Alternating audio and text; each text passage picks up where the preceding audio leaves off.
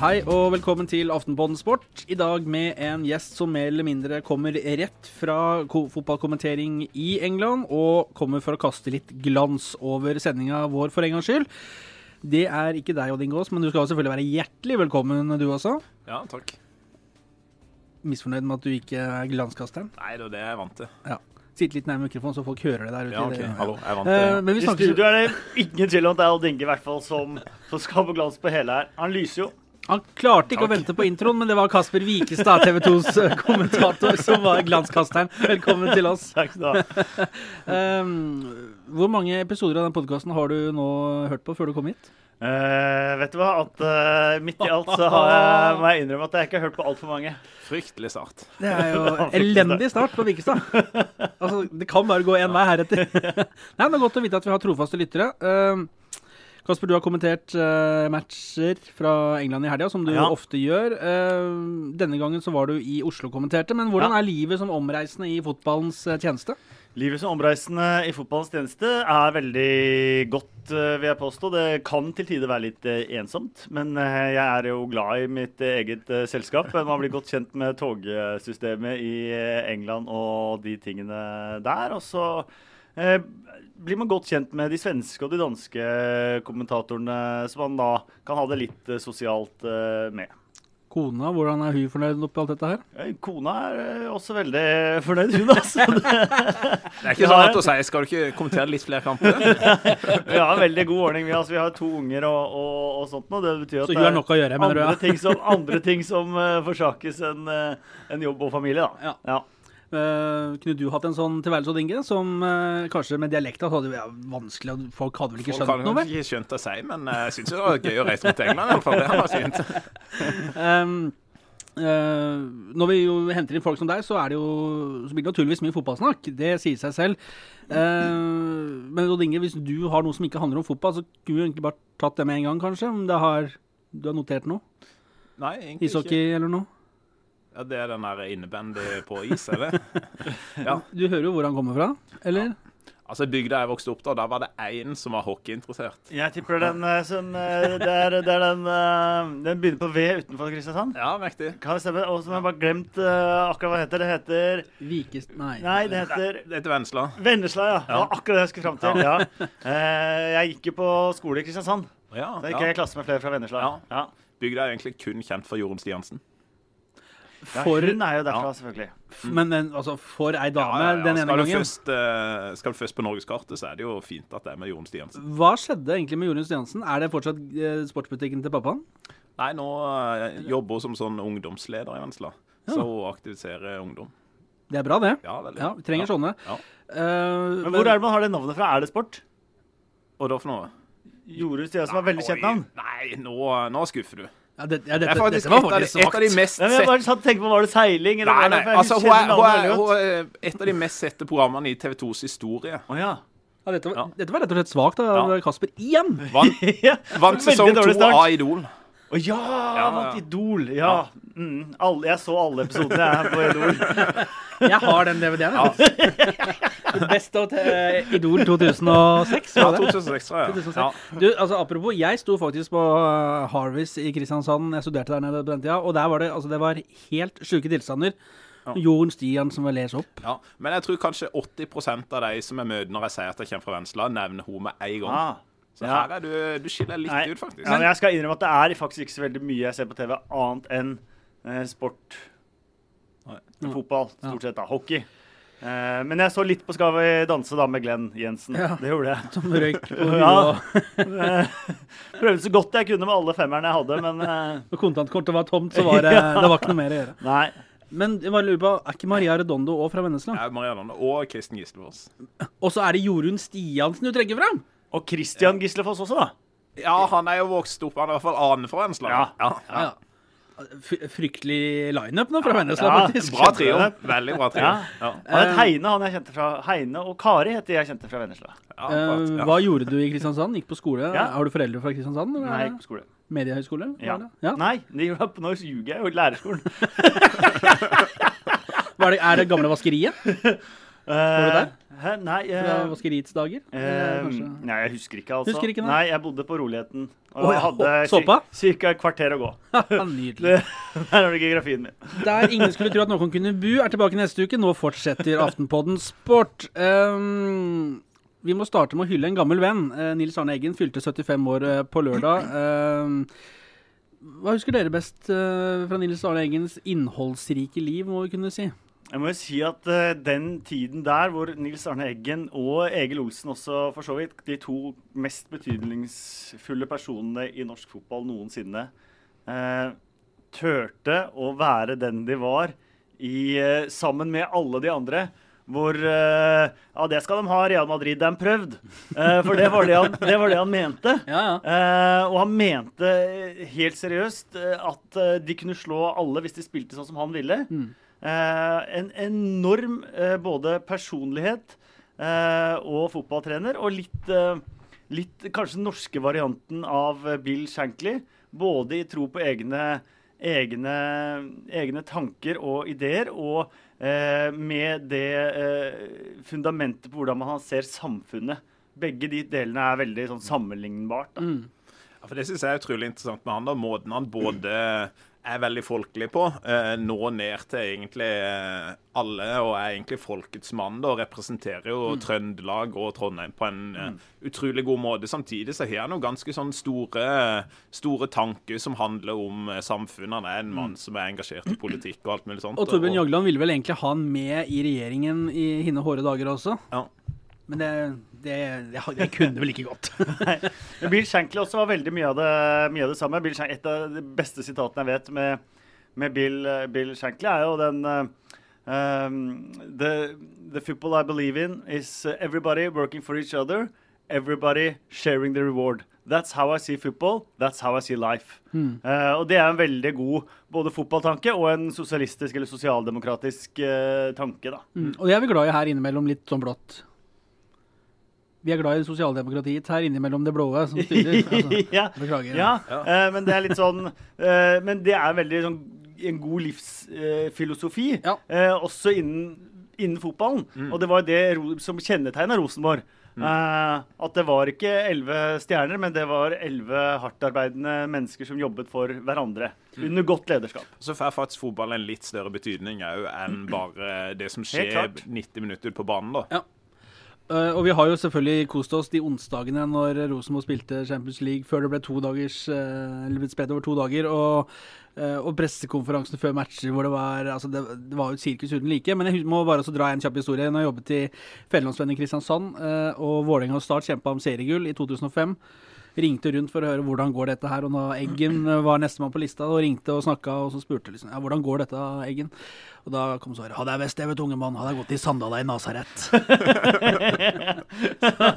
han, eh, han hadde jo eh, hadde jo alltid perspektiv på ting. Det var jo fint. Ja. Eh, Det er litt sånn som liten avsporing der, men uh, Portsmouths manager Paul Cook, som, er, som da var manager i Chesterfield, fikk også et lignende spørsmål om noe som hadde skjedd i kampen hans, og svarte at uh, Du, se på meg. Jeg er manager i Chesterfield. Hadde jeg visst det, så hadde jeg vært manager i Chelsea eller noe. Og det var vel en uh, Lars Kjernås delte vel en historie uh, i forrige podkast, men jeg tror det var når vi har skrudd av, så vi kan ta den nå. Det var jo da HamKam, som selvfølgelig er et varmt tema i dette studio. Gjort det dårlig med Ivar Hoff som uh, trener. eh, han, Ivar Hoff var i HamKam i fire måneder før det gikk lenger. Og da kom uh, spillerne til uh, assistenttrener eller hva det var, Knut Hagen og sa vi må gjøre endringer. Knut Hagen opp på kontoret til Ivar Hoff banket på og sier at gutta vil spille 4-3-3, det funker ikke lenger. Da svarte Ivar Hoff at da får du ta det, for jeg kan ikke 4-3-3. eh, takk Lars Jernås for at vi fikk låne den. Håper det går bra. Um, Eggen hylla på, eh, på lørdag og på søndagens match mellom Rosenborg og Start. eh, men på søndag så kom også beskjeden, som vel mange kanskje har venta på, at Lillestrøm kvitter seg med Runar Kristinsson. I løpet av den søndagen så falt det faktisk Lillestrøm ned på direkte nedrykksplass også. Det var jo et kjempetiming. Eh, riktig å sparke Kristinsson, mener vi. Eh, det er, jeg jeg syns ærlig talt sånne ting er vanskelig å si. ja. Det, fasiten får vi jo ikke før sesongen er, eh, er ferdig. Men, Enklere å svare da, ja. ja, uh, men uh, det er ingen tvil om at de har kjørt seg litt fast i et eh, mønster. Men så er jo den mest undervurderte faktoren av alt i fotballen, det er jo flaks, da. Og de har hatt voldsomt uflaks de siste eh, kampene. Det er det veldig liten, eh, liten tvil om. Men eh, skal man ta grep, så burde de ha tatt grep for tre runder siden. Mm. Eh, og det kan være i seneste laget, men de kunne ikke gjort noe seinere enn det de gjorde nå. Og så håper jeg for deres del at de har en klar plan om hva de skal gjøre etter Kristinsson. Det kan godt hende de har. For nå virker det som det er Arne Erlandsen eller Tom Nordli, eh, henholdsvis VG og TV 2s tips på hvem som skal ta over. Eh, Er det fornuftig? Ja, det er jo sikkert. eh, Hvis de, hvis det jo igjen, hvis de berger plassen, så er det fornuftig. Eh, Men eh, ja, Tom Nordli har jo vist at han iallfall har evnen til å skape noe på kort sikt. da. Så er det jo litt sånn Kanskje litt lenge siden sist, eller? Ja, det er det jo for så vidt. Og spørsmålet er jo skal han være med videre, f.eks. Jeg vil jo Da er det jo ikke Ja. Jeg vet ikke om han er en ny runde på Åråsen. Jeg vet ikke. Nei, Da kan vi spille Nordli-bingo til, eh, til pressekonferansen i hvert fall. Skal du slanke deg, må du først innse at du er feit. Eh, Hvis toalettene ryker, ringer du ikke elektrikeren. Stemte litt for å få Tom, Tom Nordli på den pressekonferansen her nå. Da håper vi at Tom Nordli får jobben i Lillestrøm og berger det med Ja. Kanarifuglen. Så er det jo en, det er en veldig bra sesong for gult og svart i Tippeligaen nå, da. Fryktelig god ja. sesong for Gult og Svart. Ja. Det ligger jo på 15 og 16. Mange poeng har de til sammen? 29? Ja, det er vel visst det. ja, Har ikke Start- Lillestrøm 23 og Start eh, 9 poeng? Ja, det blir ikke 29, det, altså. Det blir 32. Det er riktig, ja. Du gikk ikke på Og der fikk du jobb som sportsjournalist! Ok. Uh, det jeg skulle fram til egentlig, var jo at det er 50 poeng mellom Rosenborg og Start. Altså topp og bunn. Uh, og da, hvis det er riktig, for Rosenborg har 59 og Start har 9. Så det blir 50 poeng. Ja, riktig. Mm. Og det er jo interessant. Kanskje en dårligste sesongen av et europeisk lag noen gang i toppdivisjonen, men Start kommer ikke til å sparke Steinar Pedersen. Nei, det Nei, det, men det er, Ja. det er helt enormt imponerende, faktisk, med den tanken de har hatt med Steinar Pedersen å bygge på nytt. At de har gitt han ro. og Det mener jeg kanskje er riktig. og Hvis de har noen tanke bak det, å, at han skal utvikle seg eh, som eh, trener og klubben skal utvikle seg sammen med, med han, så kan det Ja. Så skal, står det litt respekt i hvert fall av, av den tankegangen. da. Og for ikke få den erfaringen med å lede et tippeligalag i en vanskelig tid allerede på direkten. Han visste jo hva han kom til. Mm. Ja. Men Darby fikk altså bare 11 poeng Ja. på 38 kamper i Ja. Premier League. Ja. De vant én, da. Start har ikke vunnet på 39. Nei, tenk det. Eh, men eh, altså, apropos uh, Steinar Pedersen, da, det er jo ikke altså, du, Der kunne du ansatt Pep Guardiola tror jeg, og Mourinho eller altså, jeg, jeg tror ingen av de hadde leda Start til noen sånn vanvittig mye bedre plassering. For de har jo et ganske dårlig mannskap. Ja. Jeg tror Pep Guardiola hadde ledet til en bedre plassering. Tror du det? Ja, det var i hvert fall klart 15. plass. eh, ja, det er hvert fall klart kvalik. Guardiola hadde klart kvalik. Ja, det hadde jeg han. Van Gaal hadde klart uh, altså, Ta ti poeng istedenfor ni. Eh, men dette var jo da en elegant uh, overgang til, uh, til Premier League. Det er vi enige om. Det var Ja, liksom sånn smooth og ja. Eh, Guardiola City topper. Fem strake seire, fire innslupne mål. Ser veldig solide ut. Ja, jeg leste akkurat uh, her nå, eh, som jeg sa til Odd Inge før, før vi gikk på lufta, at eh, av, hund, nei, av 517 managere fra 1888 i den øverste divisjonen i England, så er det kun én som har vunnet sine åtte første. Han har vunnet sine åtte første med eh, Europacup og sånn òg. Og det er Carlo Ancelotti med ni for, for Chelsea. Så det er altså foreløpig den nest beste, eller delt beste åpningen fra en øverste divisjon manager noensinne siden ligaen starta i 1888. Det er grei stats, det. Det er greit. Ja. Er inntrykket fra Vennesla også at eh, de blå fra Manchester ser ålreite ut, eller? Ja, jeg tenkte jo litt det samme i fjor, faktisk, da når eh, Ja. City åpna sesongen nesten på samme vis. da. Mm. Feide jo over alt av var motstand. Og, men eh, det er klart den der, spesielt den første omgangen City hadde på Old Trafford, da, var jo ekstrem, rett og slett. Ja. Altså, det, er, det, er, ja, det er noe av det sykeste jeg har sett faktisk i eh, Premier League, syns jeg. Ja, de har hatt noen av de omgangene. De har hatt litt problemer med å spille det 90 minutter. Men første gang mot Westham også. Eh, første gang mot Manchester United. Og så Bournemouth. Jeg vet ikke hvor stor Det er typisk at de lagene faller fullstendig gjennom når de kommer de stedene. Ja. Eh, men, eh, men, det ser veldig veldig bra ut. Så er det jo interessant, eh, nå som Aguero har vært ute, så er det jo andre som står frem. Og du har en Kevin De Bruyne som er kanskje, kanskje, Premier Leagues beste spiller om dagen. Og så har du jo en Gundogan som kommer inn nå. Og, altså, det er liksom Du, du tar vekk én stjerne, så putter du på en annen. Og det er det som har kjennetegna de mesterlagene i England også, de, så lenge vi til det kan huske. Og absolutt og så er det, det er ikke sikkert at Vincent Company klarer å spille seg inn på laget med det aller første Nei. heller. Hvem hadde trodd det? Og Yaya Tore er ikke engang i er ikke, er ikke Champions League-troppen engang. Han har herja der borte i tre-fire år. Så de hadde Company og Stones på, som stopper du på benken ja. i, i helga. De hadde det. Og jeg, jeg, tror kanskje at det er Ottamendi og Stones som blir førstevalget mm. framover. At Company skal slite litt med å, med å komme seg inn der. En annen som kanskje burde slitt mer med å få spille enn det han gjør, er Wayne Rooney. For Manchester United uh, har hatt en ujevn sesongstart. Uh, to tap, og tre tap på én uke nå. Uh, snakkes om feilbruk av Pogba. Bør Rooney spille fra start? Zlatan Hva, hva, syns du, Kasper, som har sett dette på nært hold? Nei, Jeg syns jo det er veldig komplekst og vanskelig. Jeg så denne um, analysen til Carragher på, på Sky etter Manchester Derby, hvor Paul Pogba fikk eh, fikk merkelappen den mest udisiplinerte midtbaneprestasjonen han noen gang hadde sett. Eh, og han hadde bilder til å backe opp den, det utsagnet. Eh, men det problemet ligger jo ikke bare hos Pogba, det problemet ligger jo i et større bilde. Sigve Kvamme hos oss hadde jo et veldig bra intervju med, med Pogba. Hvor Pogba også forteller om hva han syns er sin beste rolle. og det er jo Eh, boks til boks. Eh, får løpe en del eh, fritt. Komme mm. også til, til, avslutninger. Det høres ut som en indreløper, altså, vi kjenner det, hvis man snur eh, den trioen eh, sentralt. Mm. Eh, men det er ikke mulig hvis du skal spille med Wayne Rooney. og Da får du en sittende posisjon som han åpenbart har problemer med å tilpasse seg. Fordi han hele tiden vil være med framover. Uh, og da blir Fellaini liggende igjen uh, bak, og Fellaini trekker da ofte enda lenger ned for å sikre.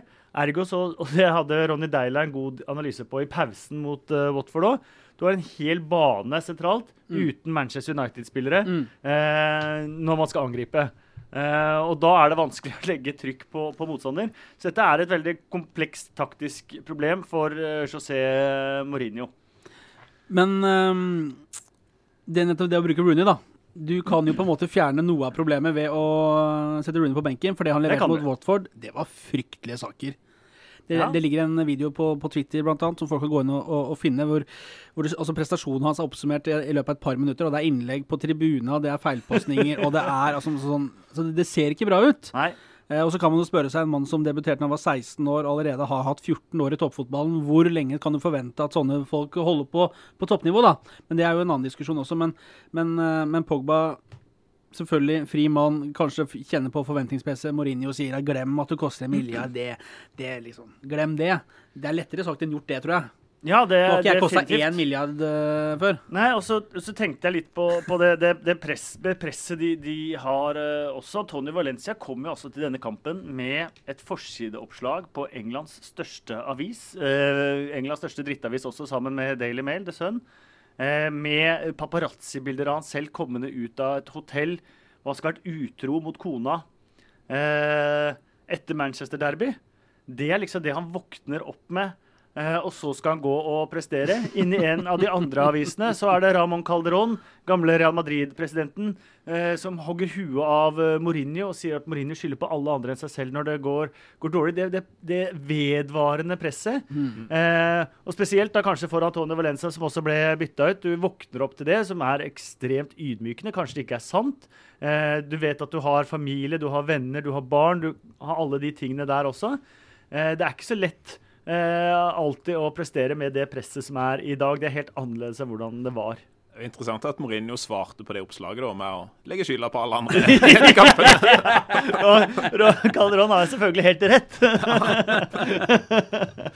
ja, så ikke mye han kunne gjort annerledes her, Mourinho. Nei, nei, nei. Jeg har gjort alt jeg kunne. det var én av tre faktorer han kunne endre på. uh, men Liverpool, da. Uh, du har jo, det har jo vært noen år med motgang for de som er glad i de røde. Er det er det next year, eller er det this year? det er vel som regel alltid neste år uh, for oss som uh, følger Leopold, Det er det. Jeg synes jo for eksempel Der det er det interessant å se den trieren Leopold på midtbanen, eh, altså med Henderson, Vinaldum og Lallana de spilte med nå, da, kontra f.eks. Fellaini, Rooney og Pogba. Mm. Det er jo litt sånn der, Hvis du ser på navnene hans, så er det egentlig Uniteds midtbane med mer stjernespekker. Men eh, hvis du ser f.eks. på mobilitet, løpskraft osv., rommen dekker osv., og, så videre, og åssen plan det virker som manageren har hatt for å bruke nettopp de tre, da, så, eh, så syns jeg jo at uh, det ikke er rart at Liverpool har hatt en mer imponerende sesongstart enn det United har hatt. Men Kasper, dette er jo litt interessant, for i ishockeyen så er man jo veldig opptatt av å hente typer, altså rollespillere som skal gå inn og gjøre roller. Og her har jo åpenbart kanskje United tenkt mer på navn enn hva som på en måte er mulig å komponere og få til.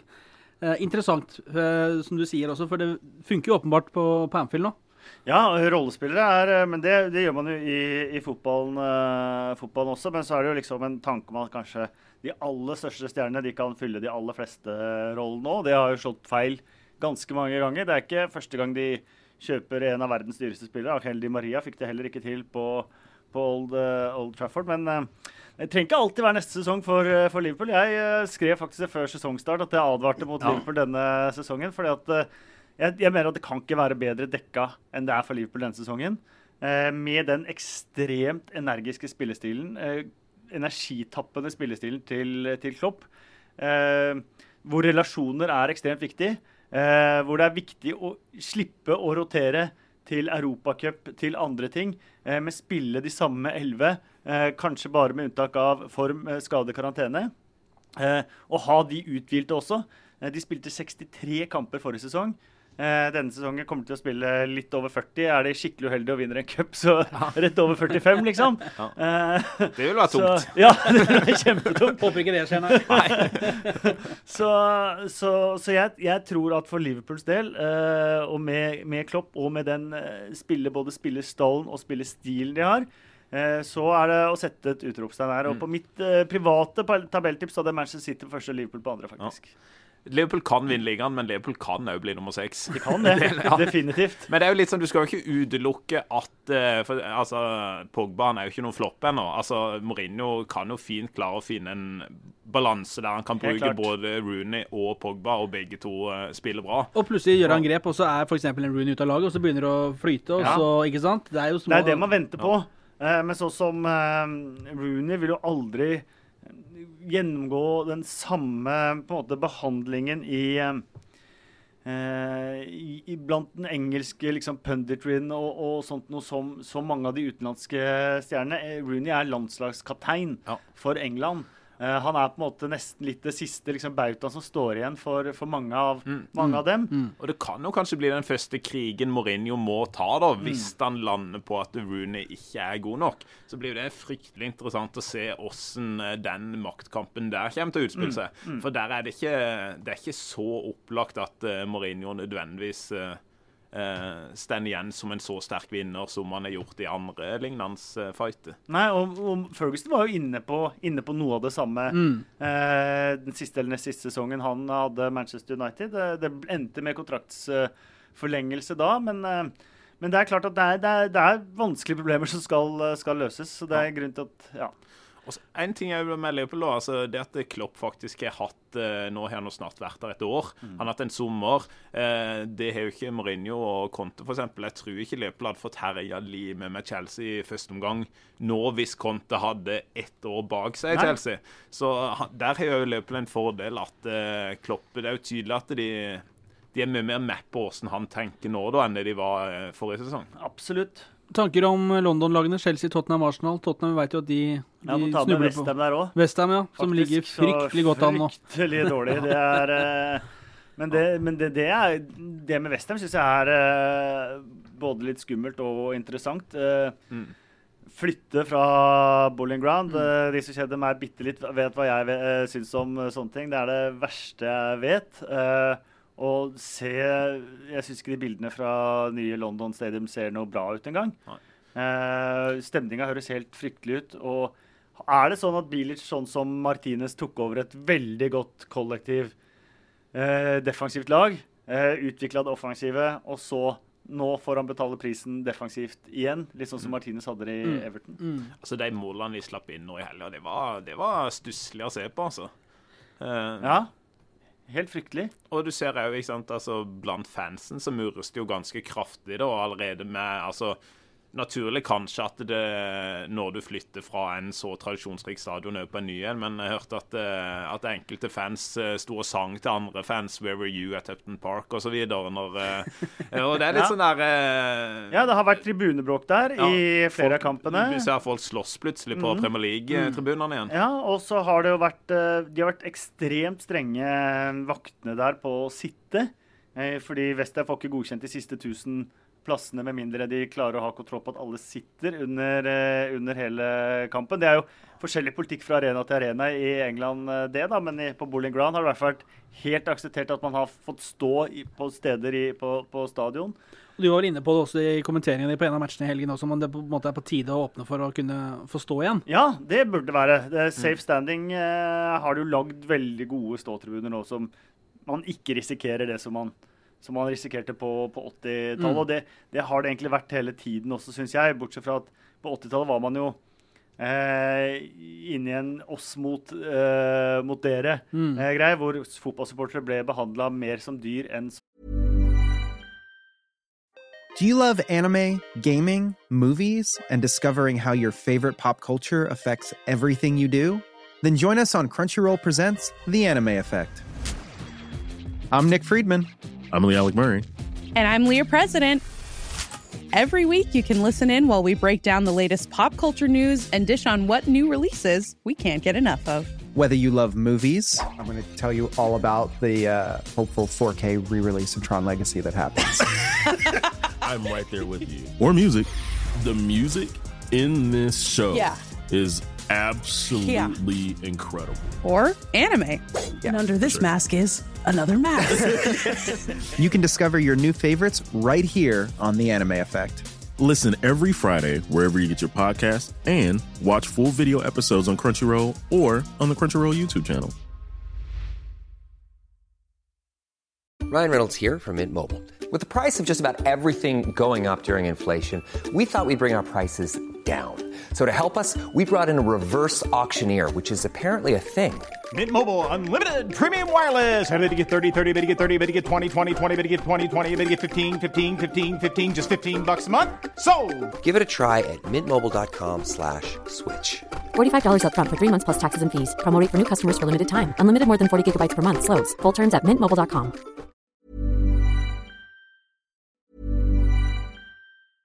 Hey, I'm Ryan Reynolds. At Mint Mobile, we like to do the opposite of what Big Wireless does. They charge you a lot we charge you a little. So naturally, when they announced they'd be raising their prices due to inflation, we decided to deflate our prices due to not hating you. That's right. We're cutting the price of Mint Unlimited from $30 a month to just $15 a month. Give it a try at mintmobile.com slash switch. $45 up front for three months plus taxes and fees. Promo for new customers for limited time. Unlimited more than 40 gigabytes per month. Slows. Full terms at mintmobile.com. Som eh, menneske, jeg var på min første kamp i 87-88-sesongen.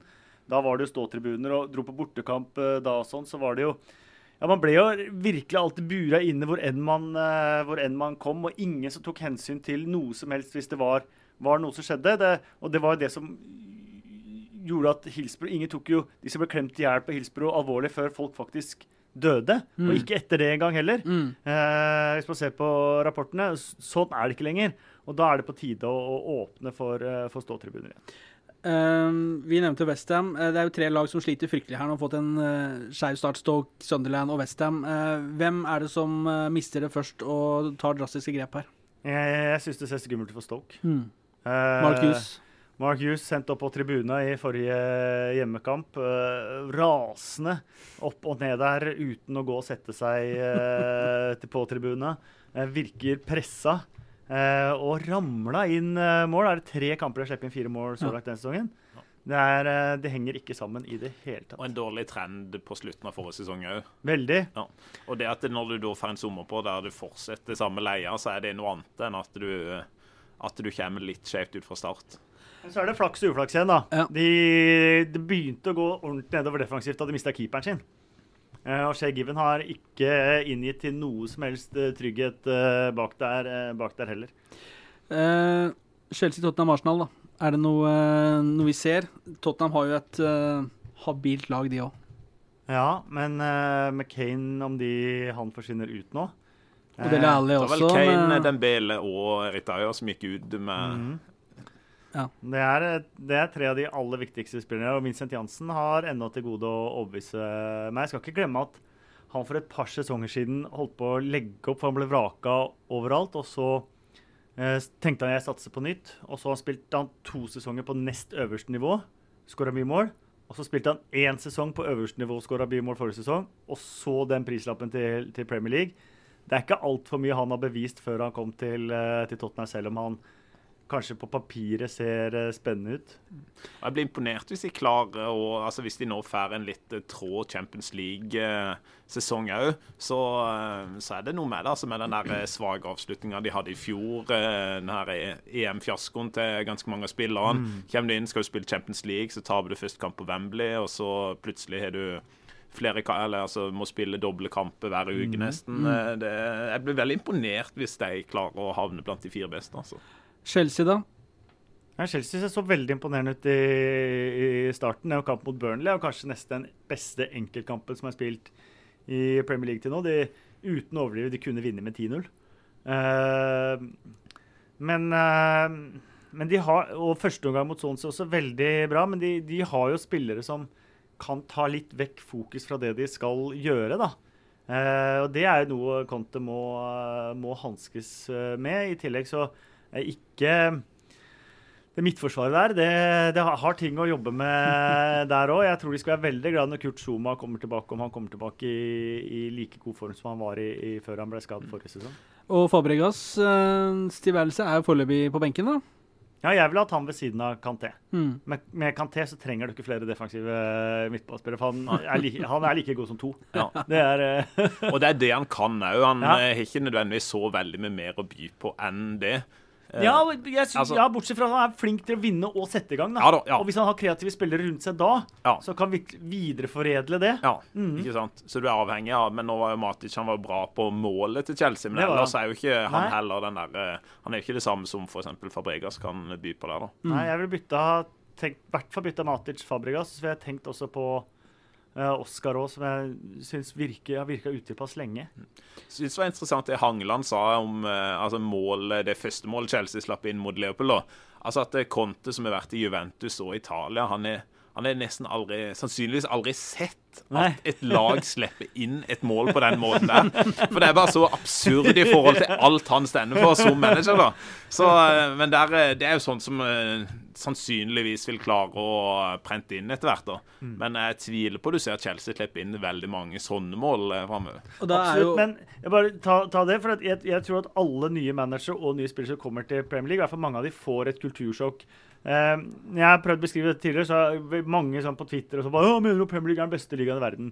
Nei, jeg mener ikke nødvendigvis at den er den beste ligaen i, i, verden, men på mange måter så er det nok den eh, tøffeste og den tøffeste til å tilpasse og Brede har snakka mye om det, hvordan en Premier League-kamp, hvor mye vondere det gjorde på kroppen rent fysisk enn f.eks. å spille landskamp eller spille uh, kamp i, i andre, andre ligaer. At enhver Premier League-kamp så sleit du med å komme deg opp om morgenen dagen etter. Og mm. Sånn er det for, for absolutt alle sammen. Og, eh, og, i hver eneste kamp. Du får ingen kamp hvor du, får, eh, hvor du ikke blir sparka eh, på bein og slått i kroppen, og, mm. og, og, hvor du må være på tæra i 95 minutter hele veien. Eh, og det gjelder for, for, trenere og managere som kommer inn også, å tilpasse den kulturforskjellen som, som ligger der òg. Jeg, jeg bare skulle gjøre en analyse på han Claudio Bravo. Og gikk bare gjennom og så defensive dødballer i La Liga, som han har måttet hanskes med, eh, sammenlignet med defensive dødballer som han må hanskes med i Premier League, og hvor alene eh, i gåsehudene keepere får stå i La Liga på defensive dødballer eh, kontra Premier League, hvor du står og nesten blir slått ned i, eh, i femmeterstreken ja. før den ballen, ballen slås. Så det, så det, er nok også noe Conte må jeg tror det kan være kultursjokk for noen, for mange vil si at nei, nei, fotball er fotball, og liga er liga, og de er bedre i Serie A, og La Liga er en bedre liga, og alt det der. Men det å komme til engelsk fotball tror jeg er annerledes. Og morsomt med Bravo, for altså, Han ble jo ikke bare, han fikk jo ikke juling i, i feltarbeid, han ble jo kjørt over i spill i tillegg. Ja. Det har han sikkert aldri Nei, vært med på før. nei det, er, det, er noe, det er noe med det, altså. Så, så, det, så det sånn sett er også enda mer imponerende det Pep Guardiola har gjort til nå. Men jeg vil jo tro at han òg på et eller annet tidspunkt vil møte den utfordringa kraftigere enn han har gjort til nå. da. Ja. Eh, og da, ikke sant, Hvis han da klarer å fortsette på samme vis som han har gjort nå, så er det jo ekstremt imponerende. Mm. Men det er jo sånn som Gündogan òg, for eksempel. Ikke sant? Han eh, slitt en del med skade i Dortmund. Mm. Hvordan i alle skal han klare Ja. Premier League? Du så noe lite og nå, mista hodet og Ja, og det sånn. der hadde ikke Ja. vært tilsnakk engang. I, i, I La Liga der koser de jo sånn uh, stadig vekk. Så han skjønte jo ingenting da han fikk det, fikk det rød. Eh, men Kasper, du reiser jo rundt og besøker alle disse lagene og stadioner og møter folk. Hvor er, det, hvor er det det er hyggeligst å komme når du skal kommentere matcher? Eh, det er mange steder det er veldig hyggelig å komme. Eh, jeg vet ikke om du husker et par sesonger siden da Mike Ashley og eh, plutselig, ikke plutselig, men hata pressen veldig oppe i Newcastle. Da var det veldig lite hyggelig å komme, komme dit. Og eneste stedet jeg opplevde at man ikke fikk noe som helst servering. Av noe som helst. Eh, fordi at det ville ikke han, han gi til verken kommentator eller presse eller noen ting. Eh, som en slags aksjon han hadde den sesongen. Profesjonelt. Veldig. Selvsagt veien å gå. selvfølgelig. Og så er det, det er en mangel på forståelse da, når, når det som pryder presserommet, er jo gamle avisklipp fra lokalavisa som da han har utestengt all together. De får ikke ble ikke akkreditert engang, lokalavisa. Mens hele presserommet er pryda av gamle, ikoniske forsider fra lokalavisa fra de var, eh, var gode. Ja. Um, men ellers så er det servering eh, er jo ganske ulik. Men Arsenal og Manchester City er en helt egen liga på, på servering. Og Chelsea. Må ta med Chelsea der. Eh, fantastisk mat. Det er så god mat at uh, du forsyner deg gjerne tre ganger og er litt sint når man er mett for at man ikke får liksom smakt på, smak på alt. Men åssen er det da å du og kommentere etter du har gnudd på med egg og bacon og bønner og litt forskjellige kjøttretter osv.? Det er bedre det enn rundt om i, i Norge hvor du får, får pizza og blir sittende. For det, pizza sitter man jo alltid og gulper litt. Ja. Uh, gulper litt. det, det var, her er det finessemat. Um, ellers, men jeg elsker jo liksom de gode, gamle arenaene. Jeg, sånn Fasiliteter er ikke så mye, har ikke så mye å si for meg. Eh, Sellers Park er definitivt den stadion med best stemning i Mm. Premier League. Eh, Helt enestående. Kan ikke sammenlignes med noen av de andre arenaene engang. Og kommentatorplassen her er også litt uh, artig. Den er så hvis det brenner, så er det bare å ringe hjem og si ha det bra, og så bare vente. Det, ikke, det fins ikke noen sånne mange steder som ikke har noen sånne foranstaltninger. at Er det blant det som du henger liksom ut over uh, tribunen? eller? under taket, ja. Under taket, ja. Og der, der er det bare en liten stige opp, og så går det en liten sånn gang ned til du kommer under, under taket. Det fins ingen nødutganger eller, eh, eller sånne ting. Så må ha med klatretøy på en måte for å være sikker. Ja, det er man ikke. Så, så det må man bare si at jeg, jeg døde under League-kamp. Det var ikke noe bedre sted å kunne dø. Så på Eh, gravsteinen døde under 4-4-2. Ja. Beste kommentatorplassen er Goodison Park. Mm. Der er vi plassert mellom de to tribunedelene på en litt sånn avsats. Og så er tri tribunene er så gammel at når det er god stemning, så rister det. Og det rister ut på den avsatsen, så du kjenner eh, stemningen duve i, i kroppen eh, når det er god stemning. Du har folk rett i ryggen som ser på skjermen din hvis det er en gal offside-avgjørelse og sånt noe, som sånn, sånn nesten henger over skuldrene dine i, i raseri. Eh, og du er såpass høyt at du får god oversikt, og såpass rett over at du kan høre hva spillerne prater om nesten rett uh, under deg. Og så er det veldig god stemning på Goodison Park, uh, også bortsett fra forrige sesong hvor det var helt elendig. Ja. Merker du noe den der forskjellen? Gammel stadion, ny stadion? Eller er det mest sånn nostalgi, eller er det Merker veldig godt, uh, veldig godt uh, forskjell. Altså, eh, Etihad, eh, dårlig stemning. Eh, Emirates, dårlig stemning ofte, selv om jeg har opplevd eh, god stemning der òg. Anfield er fantastisk eh, stadion, men eh, stemningsmessig så, så må det en stor anledning til for at eh, atmosfæren skal være deretter også. Old Trafford, mye av det samme. lørdag klokka fire på, en, på Anfield og Old Trafford mot litt sånn middelmådig motstand? Ja. er jo, det er jo stusslig. Ja, det er, jeg, jeg tror det er mange som har dratt over sånn første gang og gleda seg til kamp og blitt overraska over det. Mm. Altså, hvor, hvor, hvor faktisk kalle flat stemning det, det faktisk er på de, mange av de, de kampene, kampene der. Hvis du tenker eh, motsatt ende av skalaen her. Hvor er det liksom det er verst? Du nevnte Newcastle, men hvor er det liksom det er kronglete å ta seg til, og folk er litt vanskelige, og det er sure gamle paier og lunken farris selters, eller Hvor er det liksom det er Åh! Nei. Nei, det er, nei, det er, det er ingen, ingen, steder som jeg har opplevd sånt. Det er en del steder som ikke har internett. Eh, så, England er jo et u-land der, da. Ja, det er det. Så, så, jeg er ofte veldig nøye på å gjøre alle forberedelser på forhånd når jeg skal ha kamper der, at jeg ikke er noe jeg kommer til å trenge underveis. For jeg kan mm. ikke basere meg alltid på at det, det, er, eh, det er, internett. Men eh, stort sett så er det Jeg sliter litt noen ganger med å komme meg hjem fra Tottenham. Men bortsett fra det så elsker jeg å være på White Hart Lane. Jeg syns det er fryktelig trist også at de skal de skal bygge om. Fantastisk gammelt, uh, mm. gammelt stadion. Men der sleit jeg ofte med å finne kommentatorplassen. Uh, for da må du inn en litt sånn hemmelig dør som du må banke på. Uh, og det, jeg glemte alltid hvor den døra var. Så der har jeg måttet hoppe over gjerdet på vippen og hoppe over videre bak der igjen for å komme opp. Og da har jeg blitt sånn skikkelig dårlig. Jeg har rett og slett glemt hvor jeg skulle gå. Det som jeg syns har vært mest fascinerende når jeg har vært i Newcastle et par ganger, er jo den der, altså Der står jo vinden rett Eller er jo kuling rett inn fra Nordsjøen, føler du, hver gang. Ja. Nei, altså, Jeg er sånn der kald gjennom hele kroppen, uansett hvor godt den har kledd seg. Og der står det sånn eh, Far kommer der med to sønner på eh, åtte og ti år, og de kommer i shorts og uh, kortarmsdrakt. ja. Og de ser ikke ut til å fryse i det hele tatt. Engelskmenn snakker om det, de er jo klin gærne. Altså, jeg har vært i eh, snøstorm Eh, i England eh, rundt uh, sånn senvinters, hvor unger i, i barnevogna ligger med bare armer eller bare, bare, bein. Og den kaldeste kampen jeg var på, det var i desember, Norwich-Sunderland. Og det var så kald etter kampen at jeg var, den togturen ned til London på to timer jeg satt inntil ovnen på toget. Jeg var, klarte ikke Tine. Men de maskottene som var der før kampen, halvannen time før, før kamp, så er maskottene, de små barna, rundt omkring og Uh, og liksom skal se seg litt rundt og vente og, og sånt. Og da sto jeg også med boblejakke og alt jeg hadde. Jeg var så kald. De var i fotballdrakt. Shorts, korterma.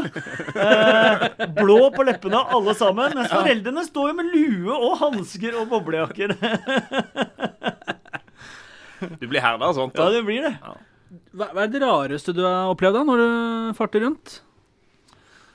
Uh, nei, jeg har ikke opplevd så mye, mye rart. Men uh, det er billig å ta førsteklasse på toget i, i helgene. Uh, og der får man jo ofte internett, og man får liksom jobbe. Og jeg pleier å bruke det til å jobbe fra, fra et sted til et, til et annet. Du kjøper sånn weekend upgrade, så betaler du bare 10 pund ekstra. Mm. eller 15 pund, pund, ekstra for første klasse. Og da var det ganske fullt. Jeg fikk siste plassen. Så kom jo Michael Antonio og lette etter plass. Uh, og konduktøren var veldig sånn Kan du reise til deg, Michael Antonio, Premier League? Og det var nei, nei, nei. Don't you know who I am? Hvorfor, hvorfor skal famous. han sitte? Jeg tenkte det samme. Vet du hva? Så overfullt tog og har fått denne plassen. Glem det, ja. Go to the back. Uh, men Kasper, du du var jo en eh, Altså, før du ble fotballkommentator, så var du jo fotograf. Ja. Tok bilder i digitalsport, ja, blant annet. Tok mye bilder for deg. Ja, det har du gjort. Ja. Eh, når var det du liksom skjønte at uh, du skulle legge filmrullen på hylla? Det var da jeg ble kommentator, faktisk. ja. Har vi gått glipp av en stor eh, sportsfotograf her? Nei, det får bli opp til andre å vurdere. Men jeg var veldig glad i å ta, ta bilder. Så jeg er faktisk sånn ja, Det er ikke så lenge siden jeg kjøpte meg helt nytt utstyr. Og du har gjort det igjen? Ja da, men det, eh, det blir jo mest å ta bilde av uh, unga mine. da. Guttungen han spiller hockey og fotball og, og sånt. da, og mm. Bruke det til, til, det. Men jeg merker at jeg savner en god del, faktisk. Ja, Gjør det. Altså, det er en fantastisk jobb å ha og uttrykke seg kreativt på idrett. da. For du, du, ser jo på en måte det du nå ser, og, og, og, måten du angriper det som kommentator. Du ser det jo på en helt annen måte når du ser det gjennom en kameralinse, for du ser jo etter litt andre ting. altså det øyeblikket Definitivt. Du leser spillet ja. på samme måte, men mm. ja. Men det er litt det samme også å finne skal du selge bilder som byråfotograf, da, så må du finne det journalistiske poenget i mm. kampen. Og den, mm. det, det, gjelder jo fortsatt når du, når du kommenterer. Ja. Eh, å finne både nerven og drama, og, og der, der liksom poenget i kampen ligger. Uh, å si at du er engasjert, det er jo ikke å dra på for mye. For du er jo en engasjert fyr når du kommenterer, lever deg inni det. Og det er, en, det er en del ja. av eh, Ja, altså, det Du er engasjert. uh, og det er en del av, uh, en del av deg. Uh, og Inge, du har, jo, du har, jo, en ting du husker veldig godt fra Kasper, som du er glad i. Ja, Det er jo et klipp på YouTube fra Marienlyst stadion. Ja. Vet ikke om du har sett det fra Fotballekstra når, ganger, når Davy var setter over til deg. Og da er liksom, Hvis det hadde klippet hadde blitt vist for 200 år siden, da tror jeg de bare hadde ringt rett til Eksorsisten og bedt han om å komme og hjelpe denne mannen. Men det engasjementet, da, det er jo Det syns jeg er ekstremt kult, da. Men det var, det var, det var veldig spesielt. Det husker jeg skikkelig godt. Jeg husker følelsen. Eh, jeg vet ikke om dere husker 2004, eh, hvor Vålerenga var litt av det samme situasjonen som Godset var, var, da. Rigga til, eh, til fest. Eh, Godset var selvfølgelig nærmere ligagullet da enn Vålerenga var i 2004. Men den både gleden og frustrasjonen, gleden og frustrasjonen Jeg kjente igjen veldig mange av de faktorene på Marienlyst. da, Det var gått 60 minutter, kanskje, eller noe sånt, og det var Haugesund, et lag man skulle slå mm. med, med, med, med, bind for øya. For det var 0-0 lenge der? Ja, jeg tror det var 0-0 til kanskje 60 eller noe sånt. Ja. Og man merka de som satt rundt meg, folk, folk, det var nesten sånn at noen hadde begynt å grine allerede. Ja, jeg satt jo dette, raden bak der, så jeg husker jo Dette går ikke. Det var, veldig, det, var, det var veldig merkelig stemning, og veldig sånn lett gjenkjennbar fra tidligere som, så idet det kom, så, så, ble man så veldig mye en del av hele det derre mer kanskje kollektive lettelsen, nesten. Du ser målskårere som blir nesten litt sinte etter at de, etter at de skårer. Det var liksom mm. hele den der, hele følelsesregisteret. da. Det første Lia-gullet siden 1970. Og tenk å fått det frarøvet, liksom. Akkurat det du skulle ta det imot, liksom. Hele byen kledd til fest. Skulle noen komme og ta det fra deg. Uh, så det var, det var jeg, ja, Man blir bare fylt liksom av mm. alle de følelsene på en gang. Da, da blir resultatet ja, Der sitter ei dame og en uh, søndag kanskje bak der som ser litt sånn skeptisk ut. Glemte plutselig at godset var i ferd med å uh, ta gull. Hvem er han gale mannen som sitter bak der? Nei, det er herlig, altså. Men det var Ola Kamara-skåringen? Ja, det ja, Ola Kamara-skåringen, ja. Mm. Men, men, jeg, men, jeg, håper jo sånn for ettertid at Og det, det har kommet folk bort til meg fra Drammen og sagt takk for det. Uh, og det, det, det, er litt den uh, man, man, har vokst opp med å holde med lag både i Norge og England og, England og sånt, men, men, uh, men man må, man må og det, det, er, er, der man får det engasjementet fra. Man vet hva det betyr for, for, folk.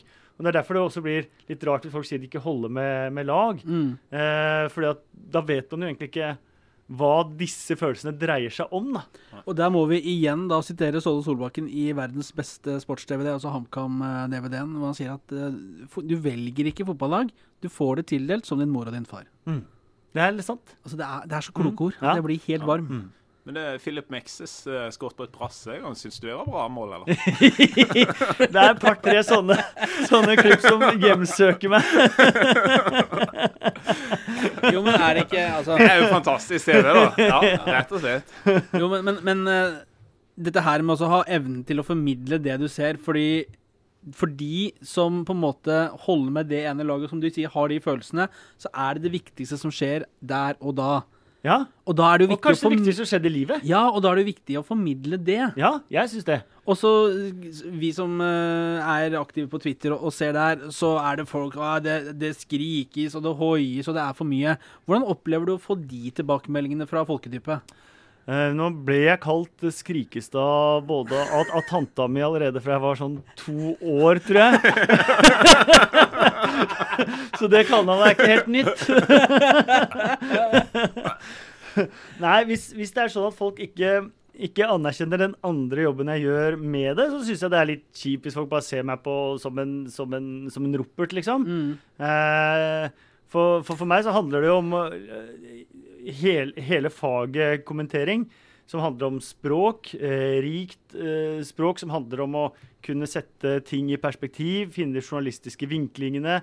Eh, gjøre opplevelsen for den som ser på, til en større opplevelse enn det ellers ville vært. Jeg mener at de aller fleste sikkert kan kommentere en kamp fra A til Å. Eh, men det gjelder å gi det merverdi, både intellektuelt, eh, og det gjelder å få de situasjonene som får folk nede, til å få de enda lenger ned og de situasjonene mm. som får folk opp, og få de enda lenger opp. Eh, og, og, rett og slett eh, Jeg syns det er mye bedre det enn om folk var helt likegyldige til, mm. til, ting. Og jeg må bare si en ting, altså Vi husker jo alle legenden Knut Jagledic, eh, som jo eh, Vi hadde kost oss med mang en Champions League-kveld. Mm. Men eh, det som er fylt fra det blåses i gang til det blåses av nå, sammenligna med den gangen, det er en ganske enorm forskjell. Både i kunnskap, og Knut Jaglec hadde også peiling, men han formidla det på sin måte. Og i dag så har du, du har statistikken, mm. du har uh, statistikken om lagene, mm. om, uh, om, hver enkelt spiller, du har taktikken, altså faget, mm. du har følelsene og engasjementet. Det er, en, det er, en, litt annen pakke nå enn det var den gangen, da, på si 20 år siden. da. Det er en helt annen pakke, men det, det gir også utfordringer. eh, med tanke på du får servert så mye i forkant, mm. men det aller meste av det er tilgjengelig for de som ser på.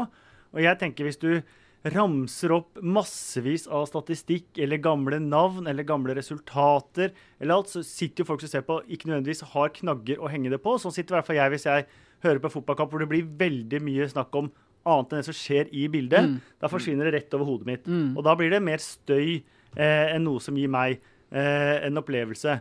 Uh, så, og det, det, jeg tror jeg jobba i TV 2 et halvt år. Ja. Da kom Øyvind Halsaker bort til meg og bare 'Kasper, nå er jeg drittlei. Kan du ta alle de papirene dine?'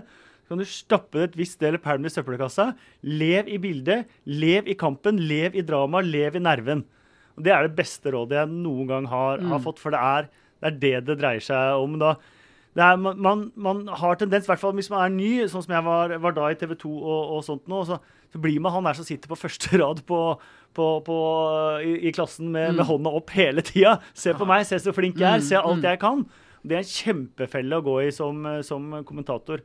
Eh, for alt det blir støy for den som ser på. Derfor opplever jeg det når jeg ser på fotballkamper med, med, folk som ramser opp alt mulig annet enn akkurat det jeg ser. Og bildet trumfer lyd 100 av gangene. Vi er veldig fornøyd med Kasper. Det må vi, vi må si. Ja, vi, ja. Og jeg synes jo at det altså, Hvordan har du jobba litt? For jeg syns jo du har hatt en ekstremt sånn god utvikling i det å være kommentator òg, da. Ja, og liksom etablert deg som, mm. uh, som er en av de eh, beste på norsk TV, da. Det er veldig uh, men hvordan har du, har du jobba sånn veldig bevisst underveis for å både luke vekk ting og fornye seg og litt sånn der finne sin stil, da? For det, det, han, det, er jo, tenker jeg må være ekstremt viktig som kommentator, det å, ja. det å ha sin uh... Jeg jobba ekstremt mye med, med det. Gått med synonymordbok på, på dass for å gjøre språket, språket rikere. Og, og, hørt gjennom. Og som sagt, Øyvind Alsaker er uh, Han er en helt egen liga, spør du meg. Uh, i, i, Norge, og han er både en som det er viktig å få råd av og, og høre etter. og Uh, selvfølgelig ser man også mye på engelsk TV. og engelsk, Det er litt dårlig gjort, men engelsk språk er veldig mye rikere enn norsk språk. Men de har også en del sånn uttrykk og ord som kan oversettes. Hvis jeg hører noe gode, så skriver jeg det ned. Uh, og så popper det opp kanskje et år etterpå fordi man, mm. fra et sted man ikke mm. visste hvor, hvor kom. og sånt. Men, uh, men, det, men det viktigste er egentlig hvis man klarer å holde seg oppdatert hver eneste dag, så slipper man å tenke på statistikk under kampen, for da vet man egentlig hva alt dreier seg om under kampen. For det, kampen dreier seg ikke om Oppda eller, eller annen rar statistikk.